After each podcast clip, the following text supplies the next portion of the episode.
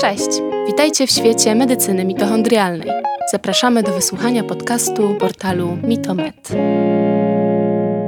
Cześć! Witajcie w naszym kolejnym podcaście, w którym gościć będę magistra biologii, dietetyka klinicznego i onkodietetyka Katarzynę Arkuszyńską. Witaj. Witam serdecznie. Cieszę się, że możemy w końcu porozmawiać na żywo, e, ponieważ zawsze, kiedy czytam Twoje artykuły publikowane u nas na portalu, to szczerze mówiąc mam lekki niedosyt i Cieszę apetyt się. na więcej wiedzy, więc mam nadzieję, że dzisiaj nam się to uda. Również się cieszę na to spotkanie. Fajnie. E, a dzisiaj będziemy rozmawiać o zmęczeniu i wyczerpaniu nadnerczy. E, temat chyba dotyczy wielu osób, bo każdy czasami bywa zmęczony. E, wiadomo, kiedy się nie wyśpimy, mamy dużo stresu, duże obciążenie pracą, to to jest w pewnym sensie normalne. E, natomiast często zdarza się też tak, że ktoś jest zmęczony i nie wie dlaczego. Może śpi te 8 godzin, stara się dbać jakoś o styl życia, o odpoczynek, a mimo wszystko jego poziom energii jest niezadowalający. I nie wie dlaczego, a jeszcze rzadziej łączy to z dietą czy mitochondriami. E, I od tego chciałabym zacząć. Czy możesz nam powiedzieć, czym jest zmęczenie z punktu widzenia dietetyka? Z czym zgłaszają się do ciebie pacjenci najczęściej? Poczucie zmęczenia, osłabienia, braku energii, czy nawet e, poczucie takiego chronicznego zmęczenia, któremu towarzyszy e, ból głowy, mgła mózgowa, czasami bóle mięśni, senność poposiłkowa, zawsze ma swoją przyczynę. E, I nie można rozpatrywać tego problemu w kategorii, e, że taka jest pana czy pani uroda. E, czasami przyczyna może być bardzo prosta i właśnie, tak jak mówiłaś, Paulina, dotyczyć nieprawidłowej diety czy stylu życia. Jeśli wprowadzamy zmiany w tym naszym stylu życia, czy w diecie i na przykład regulujemy rytm dobowy, a nadal jesteśmy zmęczeni, to musimy przyczyny szukać głębiej.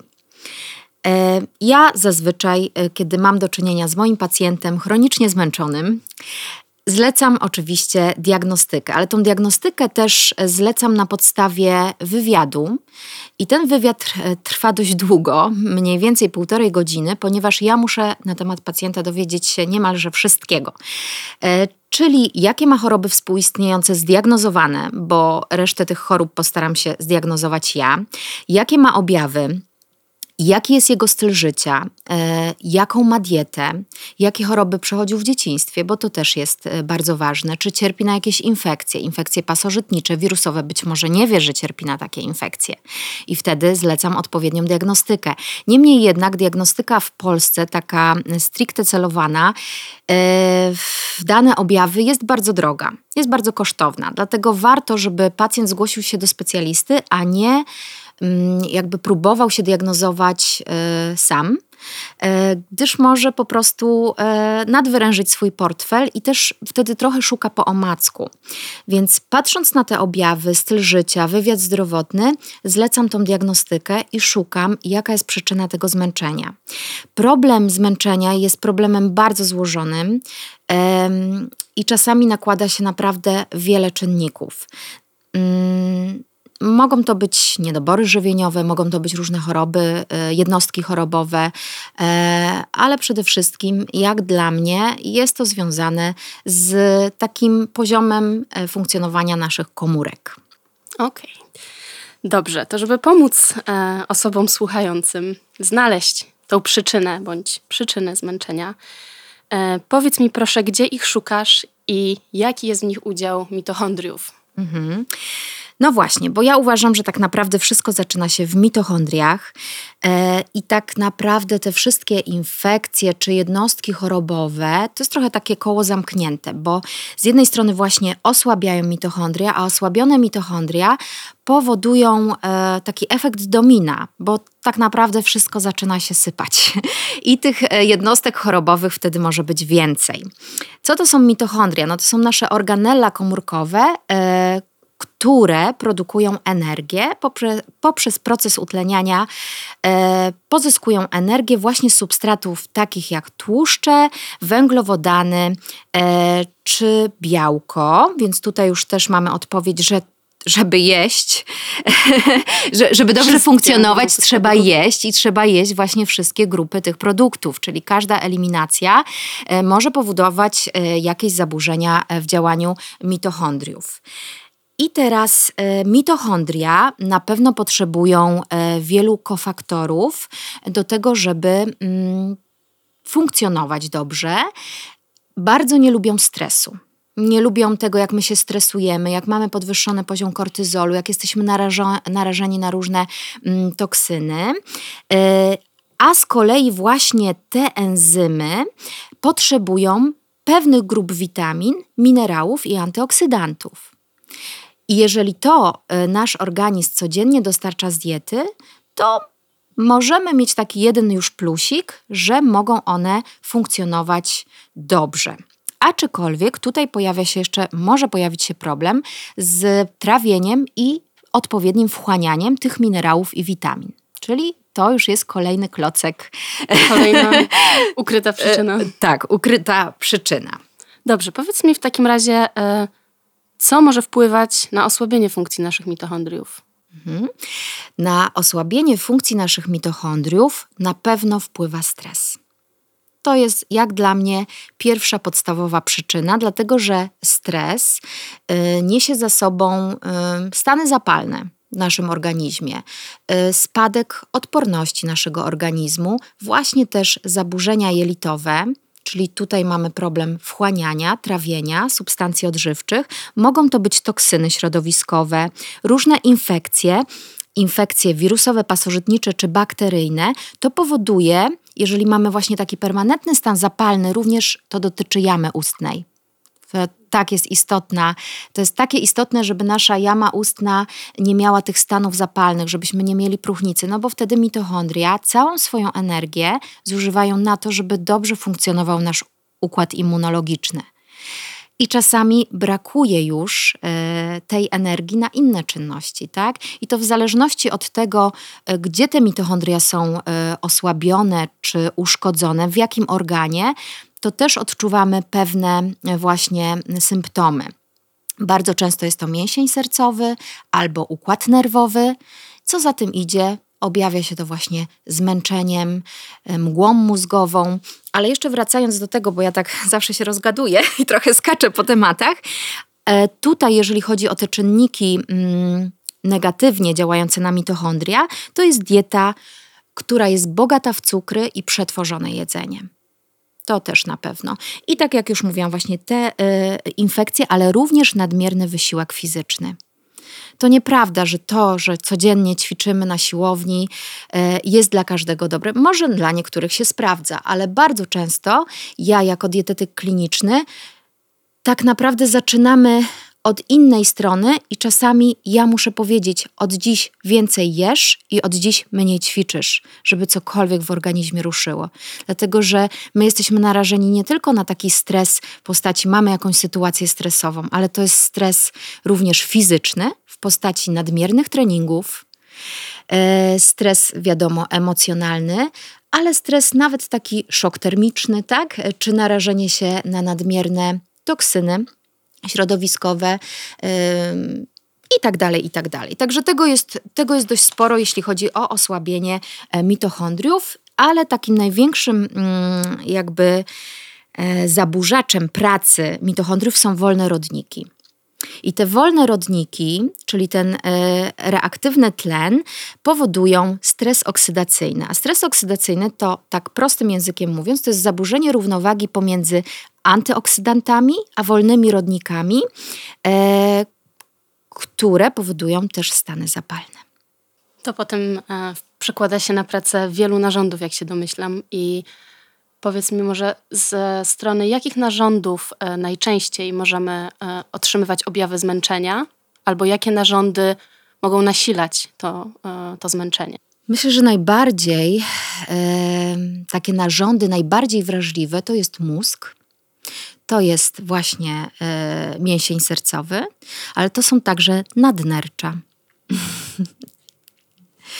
Natomiast jeżeli chodzi jeszcze o przyczyny właśnie osłabienia mitochondriów i chronicznego zmęczenia, jeżeli mamy szukać w jednostkach chorobowych, E, to bym wymieniła tutaj e, fibromialgię, tężyczkę, anemię, niedoczynność tarczycy, zaburzenia gospodarki glukozowo-insulinowej, czy właśnie wyczerpanie nadnerczy, o których pewnie sobie dzisiaj porozmawiamy, bo to główny temat, ale także zaburzenia y, flory y, bakteryjnej, tej dobrej flory, czyli dysbioza jelitowa.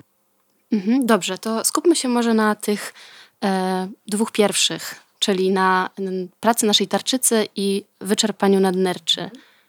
Taką najczęstszą chorobą, jeżeli chodzi o tarczycę, to jest niedoczynność tarczycy, która często jest również powiązana z chorobą autoimmunologiczną, jaką jest choroba Hashimoto. Bardzo często choroba Hashimoto jest przyczyną niedoczynności tarczycy, ale nie zawsze tak musi być, ponieważ możemy nie mieć choroby Hashimoto i i tak mieć niedoczynność e, tarczycy. Przyczyny są różne e, niedoczynności tarczycy. Nie będę teraz tu wszystkich wymieniać, ale jedną z nich jest właśnie choroba Hashimoto. E, głównym zadaniem tarczycy, jak wiemy, jest produkowanie hormonów i poziom tych hormonów wpływa i na mitochondria, ale także na neuroprzekaźniki. Jest to bardzo połączone z osią podzgórze, przysadka, tarczyca. Żeby tarczyca dobrze funkcjonowała, to przysadka też musi e, wytwarzać odpowiednią ilość hormonów. E, I to jest hormon TSH, który często u osób, które mają niedoczynność tarczycy, jest on podwyższony. Jeżeli ja widzę w, w, badaniu, że poziom jest podwyższony, tylko to nie jest tak, że ma mieścić się w normie, bo czasami te normy są różne i dla mnie poziom powyżej 2-2,5 y, to już jest taki sygnał, że y, musimy zbadać też y, poziom hormonów, tak?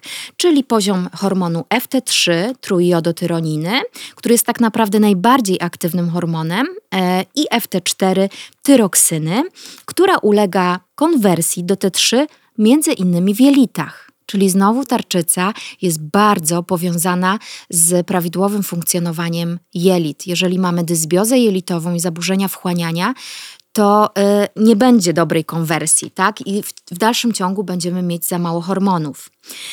I do tego, aby tarczyca produkowała odpowiednie ilości hormonów, ważna jest odpowiednia dieta i eliminacja czynników, które mogą osłabiać tą e, e, tarczycę.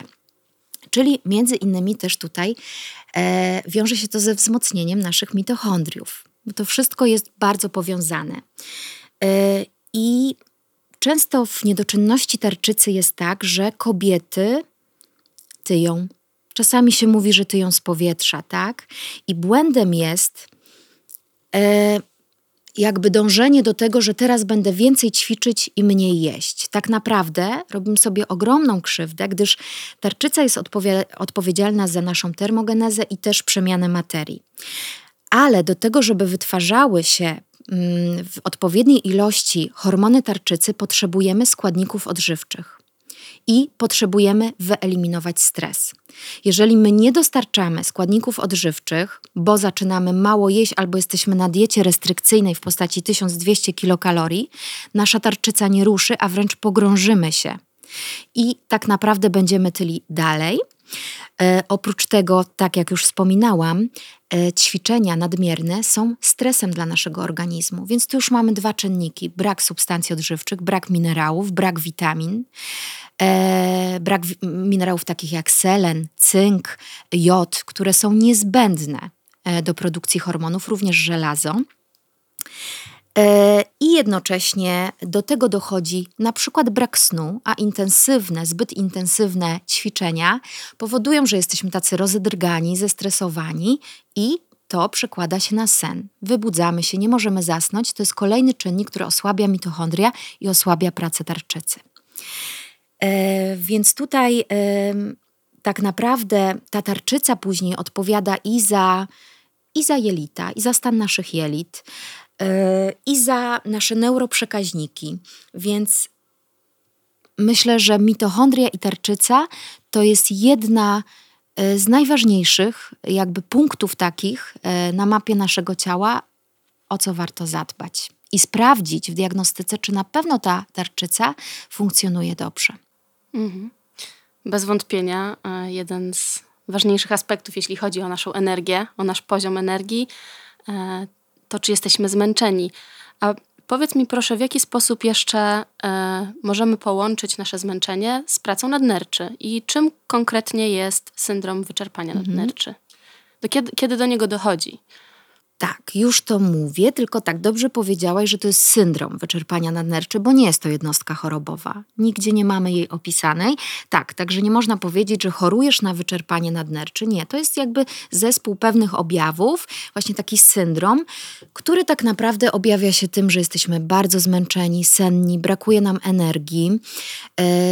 Bardzo potrzebujemy drzemki mniej, mniej, więcej w godzinach od 15 do 17. Nawet gdy śpimy 8-10 godzin, e, to czujemy się e, totalnie niewyspani.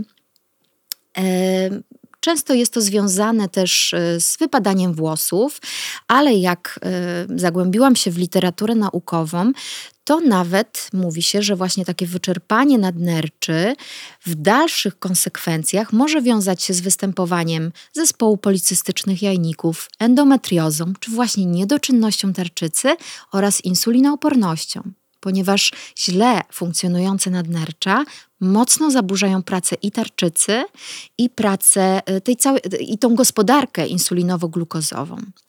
Jeżeli chodzi o wyczerpanie nadnerczy, to jest to związane na pewno z permanentnym stresem. Jeżeli nasz organizm potrzebuje cały czas wyprodukować kortyzol, żeby sobie poradzić z sytuacją stresową i dzieje się to kilka razy dziennie, i ten wyrzut kortyzolu jest naprawdę duży, to my początkowo jakoś tam dajemy sobie radę z tą stresującą sytuacją, ale w momencie, kiedy on jest notorycznie wyrzucany, w końcu te nadnercza jakby wyczerpują się w cudzysłowie, tak, i przestają produkować dostateczną ilość kortyzolu w sytuacji stresowej, w której my sobie już nie potrafimy poradzić. Jesteśmy rozdrażnieni, często też możemy reagować agresją, bo jesteśmy bezsilni, jesteśmy sfrustrowani. Więc y, tych objawów wyczerpania nadnerczy może być mnóstwo, włącznie z konsekwencjami różnych kolejnych tu już mówię jednostek chorobowych, tak? Czyli ta insulinooporność, niedoczynność tarczycy. To teraz zastanawiam się, jak to wszystko zebrać w całość. Jesteśmy takim pacjentem albo po prostu osobą, która jest zmęczona i, i szuka, dalej szuka tej przyczyny. E, I zgłasza się do ciebie po pomoc. Co na początku zleciłabyś, jaką diagnostykę, e, która może pomóc w odnalezieniu przyczyny? Pierwsze co to, tak jak już wspominałam, wywiad bardzo dokładny wywiad. I jeżeli ja widzę, że te objawy mm, są bardzo takie mieszane i dokładnie nie jestem pewna, tak, co to może być. Podejrzewam, ale nie jestem pewna, bo tak naprawdę może to być anemia, może to być SIBO, tak, bo te jednostki też sprawdzamy. Może to być SIBO, może to być anemia, może to być właśnie niedoczynność tarczycy, ale w pierwszej kolejności zlecam diagnostykę podstawową. Tak naprawdę Państwo na własną rękę możecie sobie zrobić takie badania podstawowe. To jest morfologia krwi z rozmazem, lipidogram, insulina na czczo, glukoza na czczo, niekoniecznie krzywa cukrowa, bo nie każdy znosi dobrze to badanie. E, można obliczyć współczynnik HOMA i R, tak, już też będziemy więcej widzieć, chociaż czasem też to badanie nie jest miarodajne. E, ale w dalszej części na pewno żelazo, ferytyna, witamina B12, poziom kwasu foliowego, E, oczywiście badanie podstawowe moczu. Sprawdzam również e, aspat, alat, bilirubina, czyli jak funkcjonuje nasza wątroba, e, czy te enzymy działają prawidłowo. Można pokusić się również o badanie lipazy, amelazy, czyli to są e, enzymy trzustkowe. I oczywiście, oczywiście nasza królowa, czyli sprawdzamy poziom witaminy D3. To dla mnie jest taka podstawa, podstaw. Mam nadzieję, że mi nic nie umknęło. Natomiast później, jeżeli ja widzę, a przepraszam, jeszcze TSH, FT3 i FT4, czyli te wolne hormony. Nie zgadzam się, że TSH wystarczy nie wystarczy, dlatego ja w tych podstawowych zlecam też FT3 i FT4, e, badanie poziomu tych e, właśnie hormonów tarczycy. Jeżeli tutaj mnie coś zaniepokoi, to możemy rozszerzać diagnostykę, która już jest bardziej kosztowna, bo wiele z tych badań niestety nie jest e, dofinansowane tak, przez NFZ. Więc tutaj bym jeżeli widzę, że coś mnie niepokoi, to mogłabym zlecić badanie w kierunku SIBO, jeżeli jest to powiązane z objawami gastrycznymi, z problemami jelitowymi. I jeżeli widzę, że rzeczywiście jest problem z wchłanianiem witamin i minerałów. Dalej, mogę podejrzewać anemię, patrząc też na parametry krwi. I teraz pytanie, z jakiego powodu jest ta anemia? Bo anemia zazwyczaj ma swoją przyczynę. To może być tak, że ktoś się źle odżywia i popełnia mnóstwo błędów żywieniowych, czyli na przykład pije, popija posiłki kawą czy herbatą. Popijanie posiłków kawą czy herbatą, nawet jeśli to jest bardzo zdrowa herbata zielona, to niestety mocno utrudnia wchłanianie minerałów, w tym żelaza witaminy B12 i tak dalej, i tak dalej. Więc tutaj albo na przykład y, do głównego posiłku duże ilości e, fitynianów, które również osłabiają wchłanianie witamin i minerałów.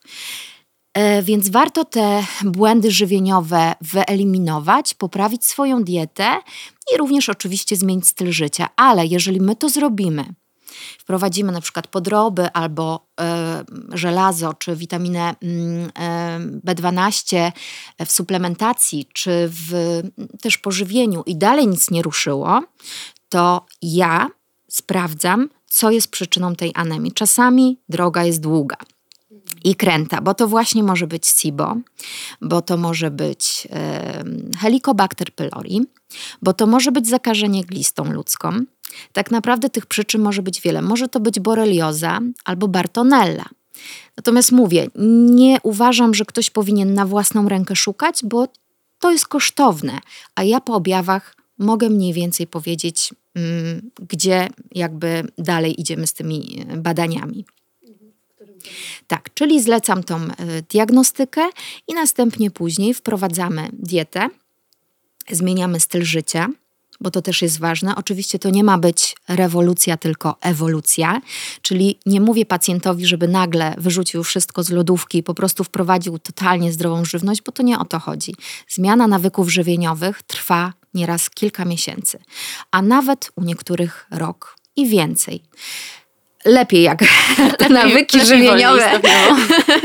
lepiej jak one będą, wiadomo, wprowadzane tak na bieżąco, ale no, dla niektórych jest to bardzo, bardzo trudne, jeżeli żywili się zupełnie inaczej i w ogóle nie mieli pojęcia, e, jak to e, w całość, że tak powiem, połączyć. Niemniej jednak e, bardzo często już sama zmiana nawyków żywieniowych, wprowadzenie większej ilości wody, wyeliminowanie tych złych nawyków typu właśnie picie wody, e, herbaty, przepraszam, czy herbaty zielonej do posiłku, Eliminacja tego już czasami przynosi ogromną poprawę. Czy wprowadzenie wody mineralnej, bo ktoś na przykład zawsze pije przygotowaną, a gdzie minerały? Ważne, żeby dostarczać tych minerałów również z wody, tak? Z pożywienia, z wody, więc nawodnienie organizmu też jest bardzo ważne. Większość moich pacjentów pije dwie szklanki wody dziennie i mówi, że uzupełnia herbatą, a szczególnie kawą, czyli na przykład 6 filiżanek kawy dziennie. Też bywają tacy pacjenci.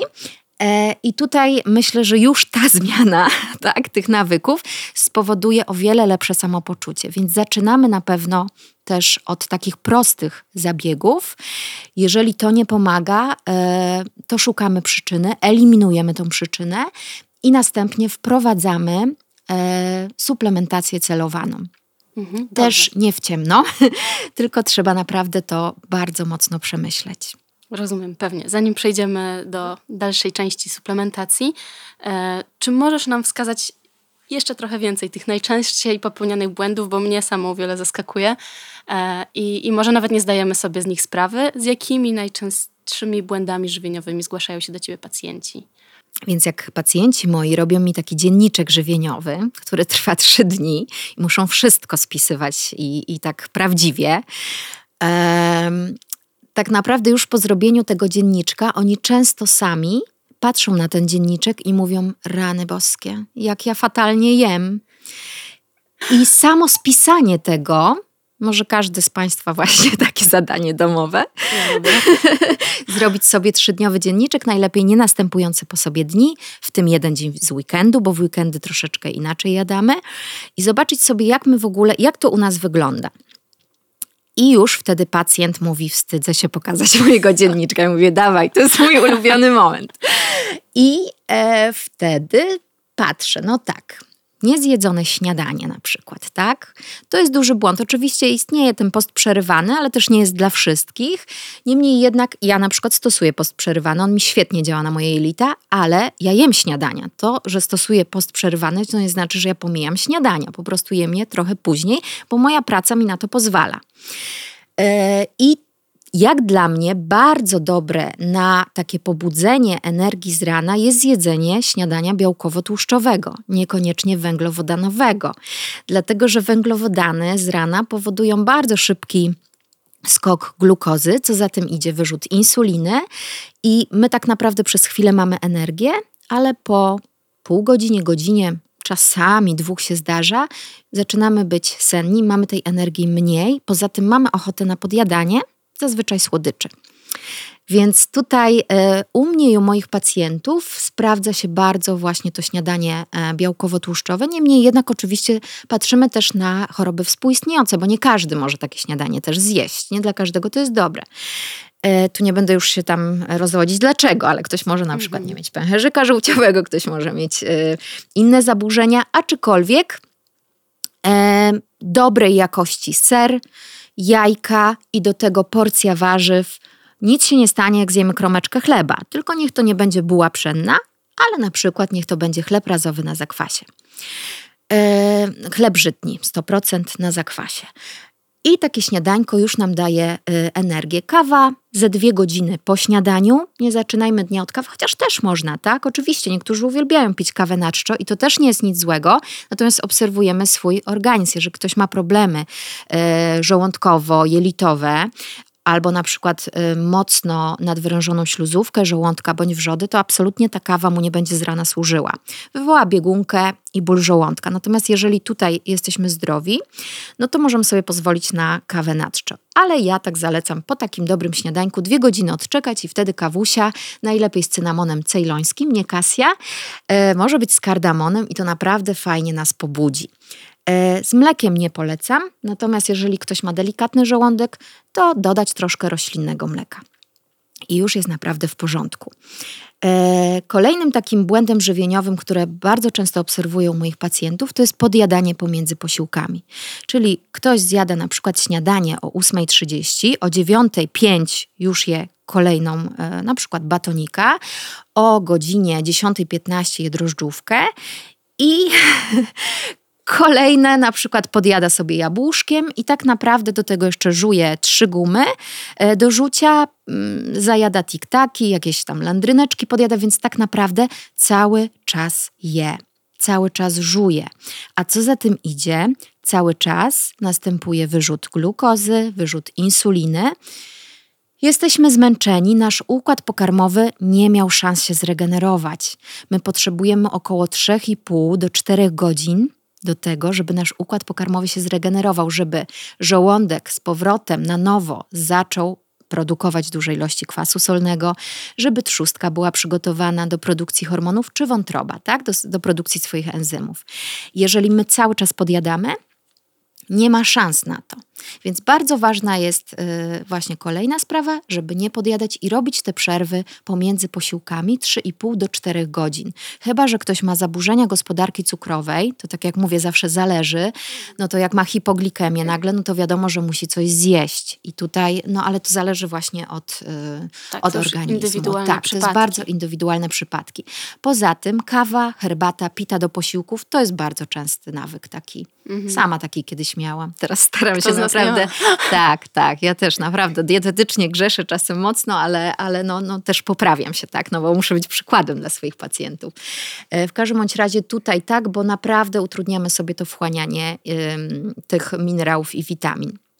E, kolejny taki błąd jedzenie kolacji bardzo późno.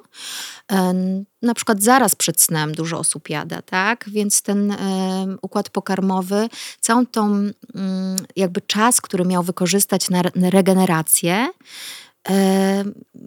ta energia jest pożytkowana na trawienie.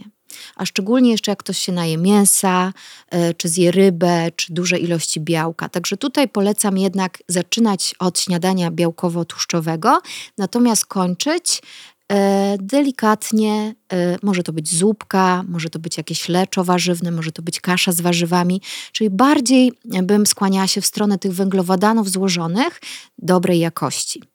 Ale oczywiście to też zależy, bo niektórym będzie bardziej służyła sałatka z brokułu i mm, na przykład serem mm, mozzarella, przypuśćmy, tak? Ale mhm. mówię, to też zależy, natomiast mm, takie węglowodany złożone E, bardzo też ułatwiają zasypianie. Dlatego, że następuje produkcja neuroprzekaźników, tak? produkuje się też więcej melatoniny i lepiej śpimy. Produkuje się serotonina, tryptofan. I to bardzo dobrze na nas wpływa. Sama też wiem z doświadczenia, bo, bo właśnie jak zjem coś takiego bardziej tłustego, czy bardziej, mm, czy więcej białka, i za późno, to ja naprawdę czuję się wykończona rano. A jak mhm. zjem leciutko, trzy godziny przed, to rzeczywiście no, zupełnie inaczej się funkcjonuje. I u moich pacjentów naprawdę bardzo się to sprawdza. To bardzo dobra wskazówka dla osób zmęczonych albo tych, które mają problem z zasypianiem. Thank you.